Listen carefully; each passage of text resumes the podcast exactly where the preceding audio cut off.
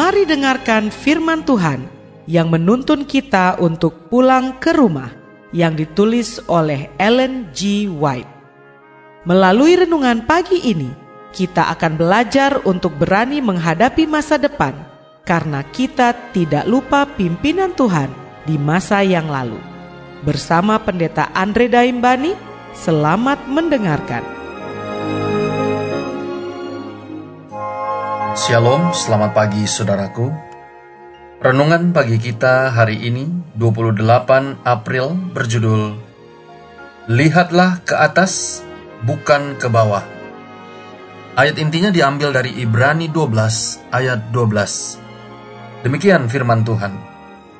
Sebab itu, kuatkanlah tangan yang lemah dan lutut yang goyah.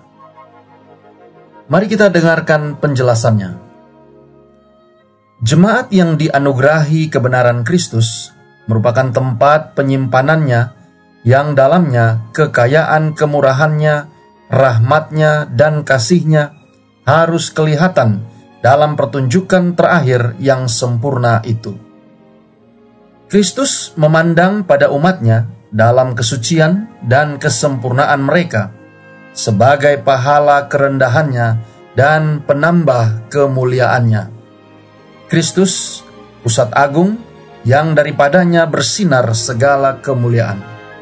Dikutip dari Alfa dan Omega jilid 6, halaman 325. Seluruh surga tertarik atas segala pekerjaan yang berlangsung di bumi ini, yang mempersiapkan pria dan wanita bagi masa yang akan datang, yakni kehidupan kekal adalah rencana Allah agar manusia memperoleh kehormatan yang tinggi untuk bertindak sebagai rekan sekerja dengan Yesus Kristus dalam menyelamatkan jiwa-jiwa. Mereka harus melihat pekerjaan Allah sebagai suatu pekerjaan suci dan mulia, dan harus menyerahkan kepadanya setiap hari semua persembahan syukur dengan sukarela sebagai balasan atas kuasa kasih karunia-Nya yang menyanggupkan kita meningkatkan hidup di dalam ilahi.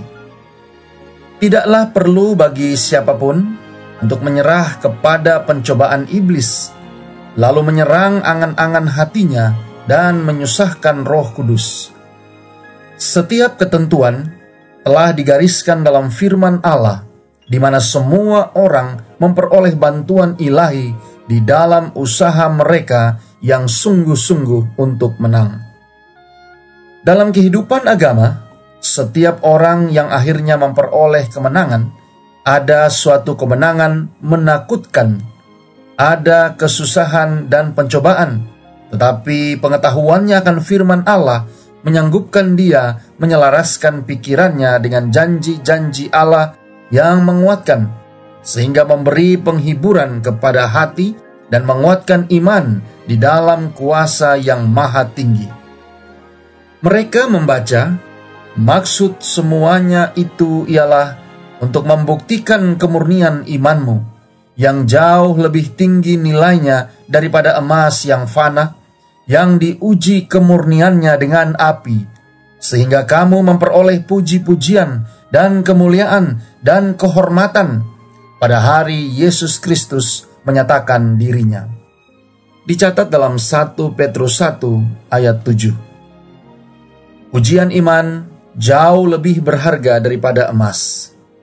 Semua harus belajar bahwa ini adalah bagian dari disiplin di sekolah Kristus. Saudara-saudara yang kekasih di dalam Tuhan, arahkanlah segala kemampuanmu untuk melihat ke atas bukan ke bawah, kepada perkara-perkara yang sulit yang memungkinkan engkau tidak menemukan jalan keluar.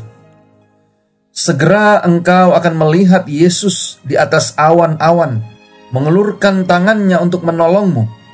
Dan apa yang harus saudara lakukan ialah mengulurkan tangan saudara dan menyambut uluran tangannya dengan iman yang sederhana, dan biarlah dia sendiri yang menuntun Anda.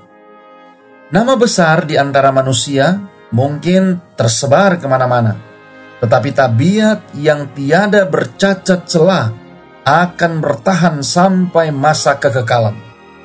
Allah memberi engkau pertimbangan sehat dan kepintaran agar engkau dapat menggenggam janji-janjinya. Dan Yesus siap sedia menolongmu membentuk suatu tabiat yang kukuh dan terjalin. Testimonies for the Church, volume 5, halaman 573, 574, 578, dan 579. Doa kita hari ini. Bapa terima kasih.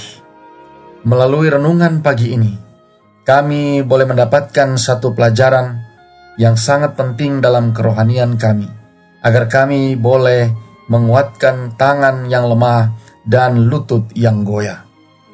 Terima kasih melalui renungan pagi ini kami diajarkan untuk senantiasa memandang ke atas, memandang kepada Engkau sebagai Tuhan dan Juru Selamat kami dan bukan berfokus ke bawah kepada dunia ini. Tolong kami hari ini Bapa. Biarlah dengan pertolongan kuasa roh kudusmu, kami boleh dapat disanggupkan untuk selalu memandang ke atas kepada Kristus, sehingga kami boleh memperoleh kehormatan yang tinggi untuk boleh menjadi rekan sekerja dengan Engkau dan dapat menyelamatkan jiwa-jiwa yang rindu dan haus akan kebenaran firman-Mu. Terima kasih Bapa. Inilah doa dan permohonan kami kepadamu. Di dalam nama Yesus kami berdoa. Amin.